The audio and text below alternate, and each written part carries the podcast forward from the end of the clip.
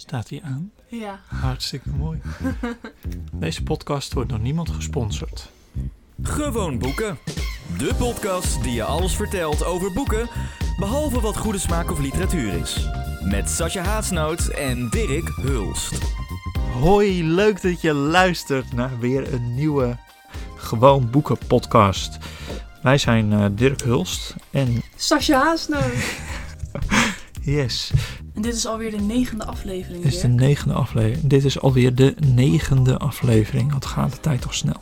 Dat betekent eigenlijk dat we bijna klaar zijn met ons eerste seizoen, hè? Want ons eerste seizoen is tien afleveringen. Echt waar? Dus dan hebben we Huh? gewoon één seizoen gehaald. Wauw, fantastisch. Dat is toch leuk? Goed, ook vandaag eh, bespreken we weer, weer ieder twee boeken die we hartstikke leuk vonden. Maar eerst, Boekennieuws. Want Sascha, jij hebt boekennieuws. Ja, ik dacht, hè, de Libris Literatuurprijs Longlist is bekendgemaakt eh, een paar weken geleden. En ik dacht, daar Voor kunnen wie het had gemist, dat geeft niks. Maar maakt niet uit. Dat geeft niet. En het zijn, als het goed is, 18 titels. eh, Klopt. Die nu kans maken op de Libris Literatuurprijs. En ik dacht, laten we even bespreken wie er allemaal op staan. Wat valt je op als je naar de lijst kijkt? Nou, wat me opvalt is dat eh, de, de, degene die ik al eh, in een eerdere podcast heb getipt als winnaar, namelijk Gerda Blees met Wij zijn licht, Ja. daadwerkelijk op de longlist staat. Dus eh, ik, ja, ik, ik hoop dat ik beloond word voor mijn, voor mijn pitch. Voor de rest, dat valt me op. Eigenlijk zijn het vooral boeken die ik niet gelezen heb. Met uitzondering van dus Wij zijn licht. ja. En eh, Herman Koch heb ik ook gelezen. En? Terecht? Dat hij erop staat. Mhm. Nou, het is wel zijn meest literaire boek, denk ik inderdaad. Oké. Nee, dat is wel zo. Het hangt Ja. er alleen vanaf of je literair als positief of negatief beschouwt. Ah, zo. Ja, oké. Maar wat dat betreft is het natuurlijk wel de, de eh, entree als Herm- van Herman Koch als eh, literair auteur. Hoewel Ja. ik niet weet of hij eerder genomineerd is. Het lijkt me wel terecht. En wat valt jij op, Sascha? Nou, ik had dit even opgezocht. Maar Mhm. wat blijkt, volgens mij is dit de lijst met de meeste mensen onder de 40 ooit. Zeg maar, heel veel jonge auteurs zitten er Kijk, staan op de dat lijst. is leuk. Dus dat is wel een heel positief ding, vond ik. Ja, Wat me verder opvalt is dat er maar twee mensen met een migratieachtergrond op staan. Dat vind ik toch een ja. beetje karig. Het is ook wel zo, denk ik, dat dat representatief is voor de boeken die worden uitgegeven. Ja, dus dat is weet waar. je, je kan daar natuurlijk ook weer niet eh, heel veel uit kiezen dan. Als dat niet wordt uitgegeven, kan je het ook niet op een lijst zetten. Ja, oké, op die manier, ja. Wat mij wel tegenvalt is dat Splinter Chabot er niet op staat. Ja. En die had hem van mij wel mogen winnen. Dat precies. Dat vind ik nou wel echt oh, een leuk- dacht ik net ook een leuk nog, boek wat een prijs verdient. Waar is Splinter, dacht ik. Waar is Splinter? Maar goed, ik... maar goed, die eh, schrijft niet literair. En dat is eigenlijk wel iets waar hij heel erg blij mee moet zijn, denk ik. Ehm, dus die komt natuurlijk niet in aanmerking voor de prijs. Ja. Op basis van eh, hoe die schrijft. Jij had wel een leuk idee net. Ja, Dat onze jij- eigen longlist. Ja, we gaan onze Waarom eigen longlist maken. Met eh, oorspronkelijk Nederlandstalige romans. Van welke periode? Wel gewoon vorig jaar. Dus Die wat ons betreft een prijs verdienen. Nou, hartstikke leuk. Ja. Dus dit was ons boekennieuws. Ja. Op naar onze boeken. Ja. Wie gaat er beginnen? Ik begin. Jij begint. Ik had het natuurlijk zaterdag al over toen we samen aan het werk waren. Mhm. Dat ik heb eindelijk Marieke Lucas Rijneveld uit met Ja, Mijn Lief Gunsteling. dat en was ook wel wij een dikke hebben- pil natuurlijk. Het was wel een dikke pil. Met een heel lelijk lettertype. Kwam je er een beetje doorheen? Ja, in tegenstelling tot jou. Ik vond het, laat ik het zo beginnen, echt een grandioos boek. Maar voordat jij straks helemaal lekker je mening mag geven, ga ik eerst Ja. even vertellen waarom ik het een zo'n aanrader vind. Graag. Allereerst, het is een, naar mijn mening, prachtige en beklemmende roman over de worsteling in de liefde en het zoeken naar je identiteit en seksualiteit. Waar gaat het over? Je volgt een veehouder die verliefd wordt op een 14-jarig meisje dat werkt op een boerderij waar hij als veehouder ja, werkt. Dus inderdaad, pedofilie komt er zeker in voor.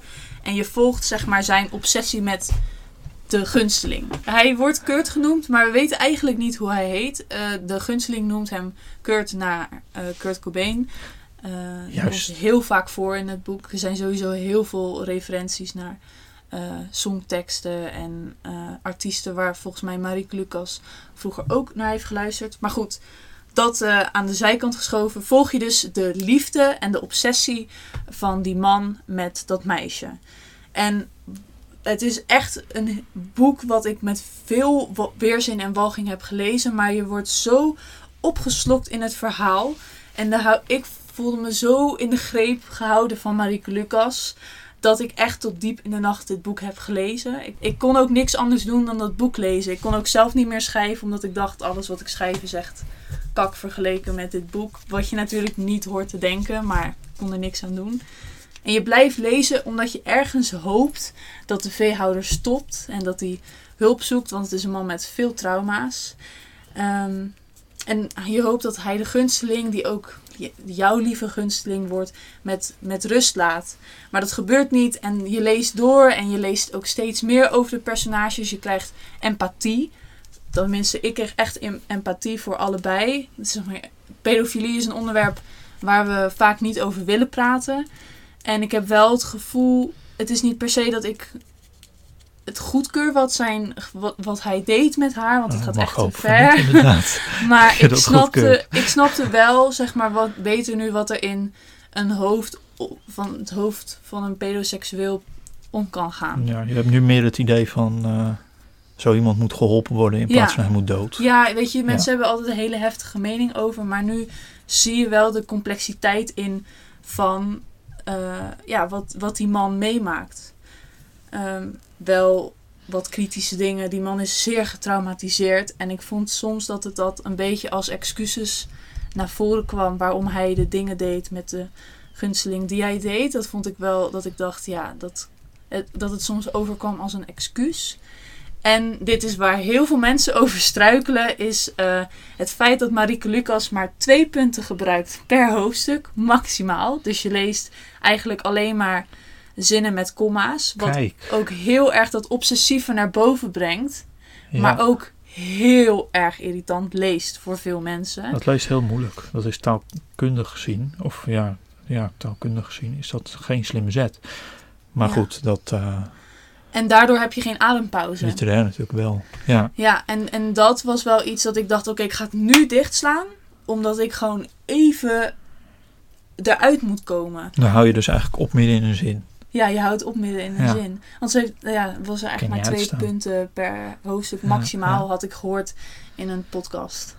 Dus ehm, ja, ik, ehm, ik vond het ook mooi hoe dat meisje zo in haar fantasiewereld leeft. Want ze is niet alleen een gunsteling, ze is ook een otter en een kikker, een vliegtuig eh, dat in het World Trade Center stort en met Freud en met Hitler praat. Dat zijn trouwens twee mensen die op dezelfde dag jarig zijn als de gunsteling. En daar voelt ze Ja, zich op de een of andere manier mee verbonden. En eh, zij wil heel graag een piemel om te kunnen domineren. Althans, dat zegt Freud tegen haar. Omdat ze zich sterk, stoer en machtig wil voelen. Omdat ze samenwoont met een vader en een broer. eh, en ze het gevoel heeft dat ze er toch niet helemaal bij hoort. En misschien ook zwakker overkomt. En wat zo verdrietig is, maar ook weer zo mooi aan het boek, is dat de gunsteling helemaal verdwaalt in haar fantasie. En het enige wat jij kan doen als lezer is toekijken hoe ze daar helemaal in Ja. verdwaalt. Maar goed, ik vond het dus, ondanks dat ze klonk als een soort bachelorstudent, het echt amper punten had en ehm, soms niet helemaal re- realistisch overkwam, vond ik het echt een geweldig boek. Eh, een boek dat ik nu overal mee naartoe wil nemen. En wat een verdrietige, maar ook prachtige ode is aan hoe de fantasie je beschermt tegen het allerergste. Het allergruwelijkste. Mooi Maar- verwoord. Zo vind jij het niet, volgens mij. Nou, ik ben er op een gegeven moment maar mee gestopt, omdat ik toch wel erg veel moeite had met de schrijfstijl. Ja, voor mij valt of staat een, een boek eigenlijk met hoe eh, goed het geschreven is. Ehm, en dit is natuurlijk ook goed op zijn eigen manier. Ja, Maar ehm, ja, het is niet eh, wat ik makkelijk lees. En dat kom je wel eens tegen als je boeken leest. Hè, dan eh, zijn er wel eens schrijvers die toch ook met de taal eh, vernieuwende dingen willen. Nou ja, dat, eh, daar hou ik niet van. Ik ben een, eh, Ja. taal, Forum voor Democratie. ja. Dus ja, weet je, dat is nou helemaal zo. Daar kun je ook verder niks aan doen. Het is gewoon niet jouw stijl. Nee, inderdaad. Maar ik vind, probeer het. Ehm, zorg ervoor dat je misschien even een weekje niks gepland hebt. Zodat je er volledig in op kan gaan. Download een inkijk-exemplaar. Ja, Want eh, het, het, ik denk wel dat er meer mensen zijn die van dit soort taalgebruik afschrikken. ja, En dat is niet erg. Dat moet gewoon kunnen, ja. vind ik. ja maar dat is wel een ding. goede tip. Dan weet Ja. je in ieder geval wat je... Sowieso altijd een goede verwacht. tip als je denkt ik wil dat boek hebben. Ga eens kijken of het wat is. Ja, Dat is dus een goede tip, Dirk. door naar de volgende. Ik pak het er even bij. Ja, mijn boek wat ik wil bespreken is De Onzichtbaren van Roy Jacobsen.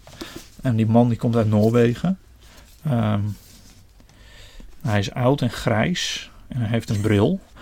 Ehm, maar goed, dit boek dat is eh, uitgegeven door de Bezig Bij vorig jaar. En ik vind al de, de voorkant al heel erg mooi. Want het is eh, een Ja. soort tekening of een soort afdruk. Nou ja, niet afgedrukt op het boek, want dat is een stuk te duur. Maar een soort, eh, ja, een, een, een soort kunstwerk van een, Ja, een huisje op een eiland. En er vaart een bootje naartoe. En op de achtergrond zie je enorme bergen aan het water. En dat is eigenlijk ook waar het over gaat. Het gaat over een familie die op dat eiland woont. Wat je daar eh, op de voorgrond ziet. Tenminste, dat neem ik dan aan dat dat dat eiland is. ja, Eh, nou ja, op dat eiland woont dus één familie. Eh, en het beschrijft het leven op dat eiland. Ja, zeg maar in de eerste helft van de 20e eeuw. Zo'n beetje rond de oorlog, eerst ervoor, dan daarna. mm, En dan eh, de veranderende maatschappij en al die dingen. En het veranderende leven en hoe zij steeds meer geconfronteerd worden met eh, dingen die er eerst niet waren. Verbeteringen en verslechteringen en zo. Nou ja, dus het is, het is een, eh, een tijdsbeeld wat je krijgt. En het is natuurlijk eh, een familie, eh, familieboek. Je volgt eh, nou ja, hun wel en wee. En je volgt het opgroeien van de dochter en zo. En die, eh, nou ja, Want hoe ziet zij, hun eh, leven eruit? Zeg maar? Hoe ziet een dag eruit bij hun? Nou, dat verschilt per seizoen. Want eh, de vader die is eh, in de tijd dat er gevist wordt. Hm. Ik weet eerlijk gezegd niet meer of dat nou de winter of de zomer is. Maar het lijkt de zomer. Ehm, dan is hij op zee. Ja, Dus dan is hij er niet. En dan, eh, dan doen ze daar op dat eiland een beetje aan landbouw en zo. Ze hebben een koe. En uh, nou, er wordt in de omgeving wat gevist. ja, En uh, ze verbouwen ook wel wat. En nou ja, als hij weer terug is, dan gaan ze, nou ja, dan, dan gaan ze die vis gaan ze bewerken en zo. Gaan ze stokvis van maken, dat soort dingen. Ach, lekker. Ja, het zal wel lekker ruiken daar. En nou ja, dan, dan gaan ze ook weer door met het dagelijkse leven, wat eigenlijk uit niks bestaat. Behalve een beetje overleven op dat eiland. En dat is natuurlijk heel rustgevend. En wat ik nou zo fijn vond aan dit boek, want daar gaat het hier uiteindelijk om natuurlijk, is dat het geschreven is met, nou ja, het is uh, vrij uh, efficiënt taalgebruik zou ik het noemen. Efficiënt. Efficiënt. Dat je, nou ja, als schrijver vertelt wat je wilt vertellen en daar geen uh, omheen draait. Geen show Waardoor het helemaal verstikt. Ja. Precies. Gewoon lekker showen. En, uh, vertellen. Ja, gewoon lekker vertellen. En maar dan op de manier dat het uh, nou ja, precies goed is. En daarmee creëert Roy Jacobsen een hele sterke Scandinavische sfeer, vind ik. En eigenlijk is dit gewoon een hele goede, nou ja, goede Scandinavische thriller. Um, nou ja, een goede Scandinavische thriller wordt wat mij betreft dus gekenmerkt door een soort, ja, bijna desolate sfeer. Waarin uh, nou ja, de eenzaamheid uh, altijd uh, een grote rol speelt. En de, ja, de afgelegenheid en dat, het kale bestaan, zeg maar. En dat, dat, zit, dat is dit ook. Alleen, ja, dit is eigenlijk dus zo'n hele goede Scandinavische thriller, maar dan zonder die thrill-effecten. Ja. Dus ja, weet je, ik hou daar wel van. Denk je dat je het aan een groot deel van de mensen in je omgeving kunt aanraden? Jawel, ja, dat denk ik zeker wel. Wat voor ja. mensen zou dit ja. niet waarderen? Ik heb geen idee. Kijk, zo ben ik dan ook wel weer. Ja. Dat ik in die tunnel zit, dat iedereen, dat, dat ik denk dat Iedereen. wat ik goed vind, Ja. dat iedereen dat wel goed Ja. zou vinden. Ja. Daar heb ik geen moeite mee. Dat, dat, eh, ja, nee, eh, iedereen vindt het prachtig waarschijnlijk. Dus ja, ja, Koop het. ja, lees het. Lees even eerst Zou ik doen. de eerste paar bladzijden. Precies, ja, er is ongetwijfeld ook hiervan een inkijk-exemplaar. Ja. Te downloaden ergens. En dan krijg je ook meteen wel een goed, goed idee van hoe het, eh, hoe het gaat, zeg maar. Het begint met eh, een, eh, een dominee die op een bootje naar dat eiland gaat. Dus dan, eh, nou ja, dat is wel meteen een, eh, een goede, goede indruk van hoe het eh, boek is, Ja. denk ik. Leuk man. Punt. We blijven in het buitenland. Hè? Ja. Noorwegen en dan door naar Egypte. Egypte. Zo. Oké, ik heb hem er even bijgepakt. Ehm, ik wil graag het boek Nu de wereld niet meer kijkt. Leven in Egypte na de Arabische lente van journalist Eduard Cousin bespreken. Het is uitgegeven door Atlas Contact. eh, net als het boek Mijn Lieve Gunsteling. En ik heb dit boek ehm, als leesexemplaar gekregen. En ook afgesproken dat ik het zou bespreken in de podcast. Dus even dat terzijde. Waar gaat het nou over? Ehm, Twee jaar na het uitbreken van massale protesten tijdens de Arabische lente verhuist journalist Eduard Cousin naar Cairo en trof daar een vol Tahrirplein aan met demonstranten tegen de moslimbroederschap van president Morsi. En de vraag die centraal staat in dit boek is eigenlijk hoe gaat het met Egypte nu de Arabische lente voorbij is?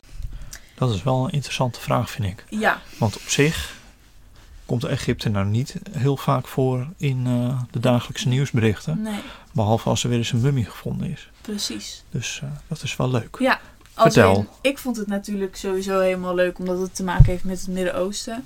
Maar het overkoepelende thema in dit boek is eigenlijk hoop en ook het verlies daarvan. Want het is nu 2021 en als je Ja. dit boek leest, dan denk je: holy shit, wat is er veel gebeurd in Egypte en waarom wist ik hier zo weinig van? Mhm. Ik bedoel, de gemiddelde Nederlander, ik denk dat als die dit boek leest, hij of Ja. zij, wel denkt zo. Ik heb, weet je wel, Ik heb wel eigenlijk de weggekeken. Ik heb echt jaar. wat gemist. Ja, nee, dat zal. Want journalisten gingen, nou, na de Arabische lente, toen president Sisi aan de macht kwam Ja, en de persvrijheid sowieso wegging, zijn journalisten ook dachten, oké, dan ja, zijn ze allemaal eh, richting. Syrië gegaan natuurlijk. en Syrië inderdaad. Dus ehm, mensen wachten eigenlijk nog steeds, en dat is een beetje de kern van dit boek, die hopen nog steeds op een revolutie. Want ze hebben al zo vaak gedemonstreerd. En waar blijft nou die revolutie? En het gaat ook wat het, dus het verlies van hoop met mensen doet. Ja, En hoe gaan ze hiermee om? En eh, Eduard zegt zelf in de verantwoording van dit boek dat hij vaak bij het lezen van dit soort boeken, dat dan wordt geschreven door een Midden-Oosten correspondent, ja, dan stoppen ze met hun carrière, carrière en dan eh, is het van, oké, nou, ik schrijf even een boek en eh, dit heb ik allemaal meegemaakt door mijn westerse bril. Dat, dat is in ieder geval hoe ik vaak boeken over het Midden-Oosten ervaar van Mhm. journalisten. Maar ik vond dit echt serieus een heel divers boek. Hij laat allemaal soorten mensen aan het woord. Mensen die bij het, hij gaat die thee drinken met mensen die bij moslimbroederschap zitten. De moslimbroederschap zitten. Ehm, hij eh, ja, gaat langs in het noorden, waar dat echt geteisterd wordt. Dus de noordelijke Sinai door Mhm. IS. Ook iets waar ik heel weinig van wist. oh ja. Hij, hij praat over zelfmoord met vrienden. Hij praat met journalisten over traumatische ervaringen die ze hebben opgedaan. Het is een heel divers boek. En ik vind het erg een, een genuanceerde en veelzijdige roman die verschillende... Het is niet een roman, veelzijdig boek. Dat echt wel verschillende perspectieven aan het woord laat. Waardoor je ook inziet, er is niet één Egyptenaar. ja. En dat, dat vond ik echt gewoon... Het Heel Maxima interessant. wel. Ja, De Egyptenaar bestaat. De Egyptenaar bestaat niet. Het enige waar ik wel kritisch over ben, eh, Ja. en waar ik eigenlijk heel graag Eduard over zou willen interviewen, is hij is een tijdje heeft hij bij de Cairo Post gezeten als Mhm. eindredacteur. En je volgt ook hoe eh, president Sisi en de, de regering die persvrijheid beperken. En Ja. hij begint een soort propaganda van de regering om te toveren in artikelen. En ik vond dat hij soms niet kritisch was over die tijd en hoe hij had gehandeld. Want Ja, dat was echt iets toen ik dat las dat ik dacht. dat kan je echt niet maken als Ja. journalist. Gewoon, dat ging tegen al mijn normen en waarden in. En eh, ja, ik, ik wilde, ik wil hem daar gewoon nog wat controversieel inderdaad. Ja, ik wil hem daar nog wel graag wat vragen over stellen. Ja, de beste man zal geld nodig gehad hebben. Ja, dat zei hij ook. Dus dat en dat is, snap eh, ik ook. ja. Want anders word je misschien ook het land uitgekikt als je niet doet wat Ja, er gezegd ja. wordt. Maar de vraag hoe je dat ruimt met je principes die je waarschijnlijk hebt als journalist is wel Precies. interessant. Ja, Ja, en daarnaast, nou wat ik net al zei, het gaat ook echt over trauma. Ehm, en ik had graag, hij vertelt dan wel over een collega die heel dicht naast hem stond, die dan ook eh, vertelt dat hij ook echt ge- getraumatiseerd is en hoe hij daar ongeveer mee dealt. Maar hij heeft zelf ook echt heftige dingen gezien. En ik wilde Mhm. ook wel graag meer iets meer persoonlijke informatie vanuit hem. Van hoe deal je daarmee? ja. Wa- waarom blijf je, waarom ben je nog steeds in Egypte? Van na alles wat je hebt gezien en meegemaakt. Dat was nog wel iets wat ik miste. Maar het belangrijkste dat het een gevarieerd beeld geeft van Egypte, dat is het absoluut. Ik vind gewoon dat je dit moet lezen. Het is ook een soort stoomcursus Egypte. Stel je denkt, ik weet hier echt helemaal niks van. Lijkt me interessant. Dus echt absoluut een, eh, een aanrader als je een gevarieerd beeld wil van Egypte. Of een stoomcursus wil, of allebei. leuk. Wil je Ik het ook ben lezen? benieuwd. Ja, lijkt me wel leuk. Ja, ik laat leuk. me achter. Oké, dat was mijn laatste Ja, boek. Nu leuk. jij, want Leuk. jij hebt echt even een leuk nieuwtje. Ja, ja mijn, eh, mijn hoogtepunt van eh, de afgelopen maanden is dat ik een volkstuin heb Yay. gewonnen, zo'n beetje. Dus ja, dat is vet leuk. Het was een enorme bende met veel bomen en rotzooi. En dat wordt langzaamaan steeds minder bende. En steeds meer gewoon kale grond waar je iets mee kan. Eh, dus ja, dat is een heerlijke afleiding voor het dagelijks leven. Eh, dus ik lees nu ook weer eh, tuinboeken en plantenboeken. Daar hield ik altijd al van, maar nu, nu je er echt wat mee kan doen, is dat helemaal eh, fantastisch.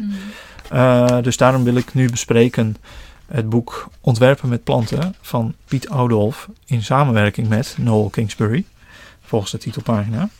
En dat gaat eigenlijk over eh, nou ja, hoe je een goede tuin ontwerpt.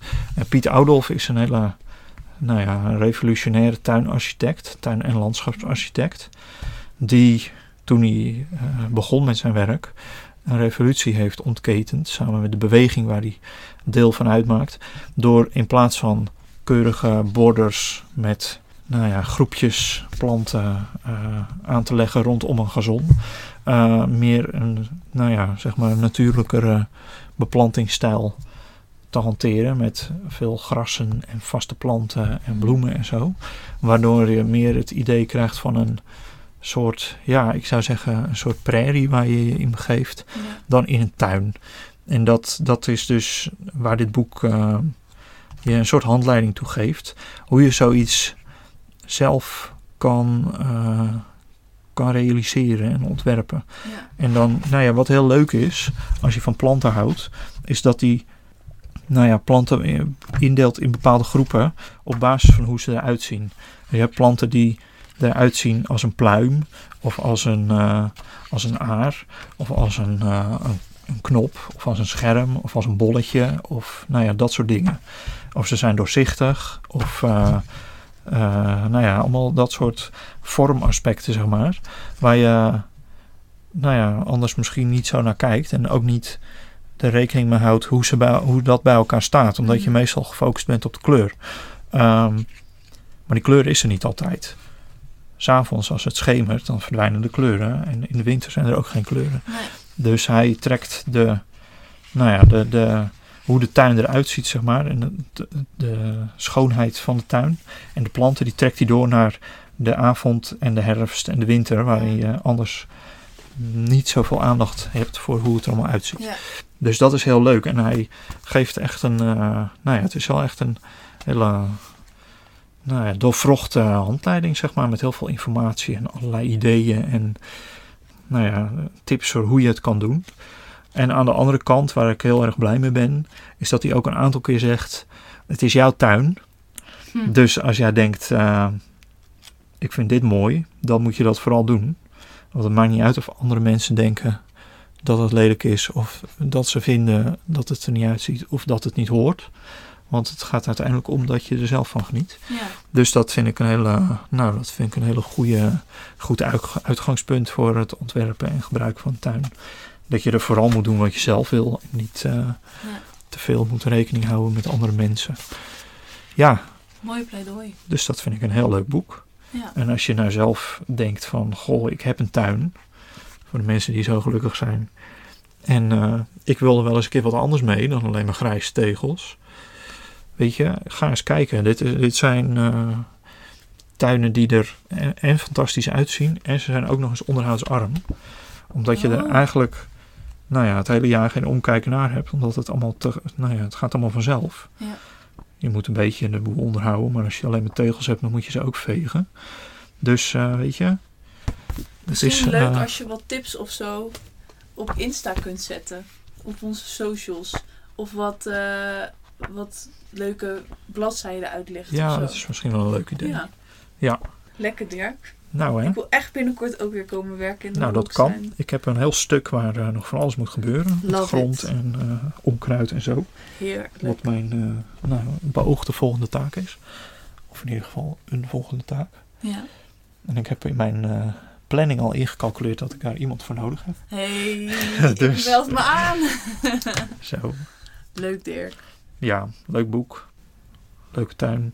Dus dat leert je wel dat er, zeg maar, dat heb je als je daar zit en je bent bezig met die, met die planten en die grond en die, die, die beesten die er allemaal rondlopen. Mhm. Maar dan, dan merk je toch van, weet je, er zijn wel belangrijkere dingen in het leven dan eh, je werk. Ja. Namelijk wat je leuk vindt je in je vrije tijd. ja. Want daar draait het uiteindelijk om. Of je jezelf uiteindelijk in je ogen kan kijken en denken, nou, ik heb toch wel leuke dingen gedaan. Altijd weer op het einde van de podcast weer zo'n wijze tip van Dirk. Ja, nou, ik Ja. denk er wel over na. Ja. Nou, ik denk dat we wel alles hebben gezegd. Heb je alles gezegd wat je wilde zeggen? Even kijken. Dit heb ik gezegd, dit heb ik gezegd, dit heb ik gezegd en dit ook. En die drie punten heb ik ook behandeld. Dus de lijst is eh, Even door voldaan. Bedankt voor het luisteren. Bedankt voor het luisteren allemaal. het altijd weer erg gezellig. Het voelt alsof jullie er altijd bij zijn. Ja, Wil je ons volgen? Dat kan. Wil je de Volkstuin zien van Dirk? Dat kan binnenkort ook. Wij hebben social media, namelijk Instagram en Twitter. Op @gewoonboekenpodcast. Heb je nou een opmerking of een, een verzoekje? Of wil je zelf een keer in de podcast komen? Dat kan. Stuur ons een mailtje naar gewoon boekenpodcast. Apenstaartje. staartje. Gmail.com. We hopen dat het goed met je gaat. Ja. Dikke knuffels van ons en tot de volgende podcast. Doeg. Doeg.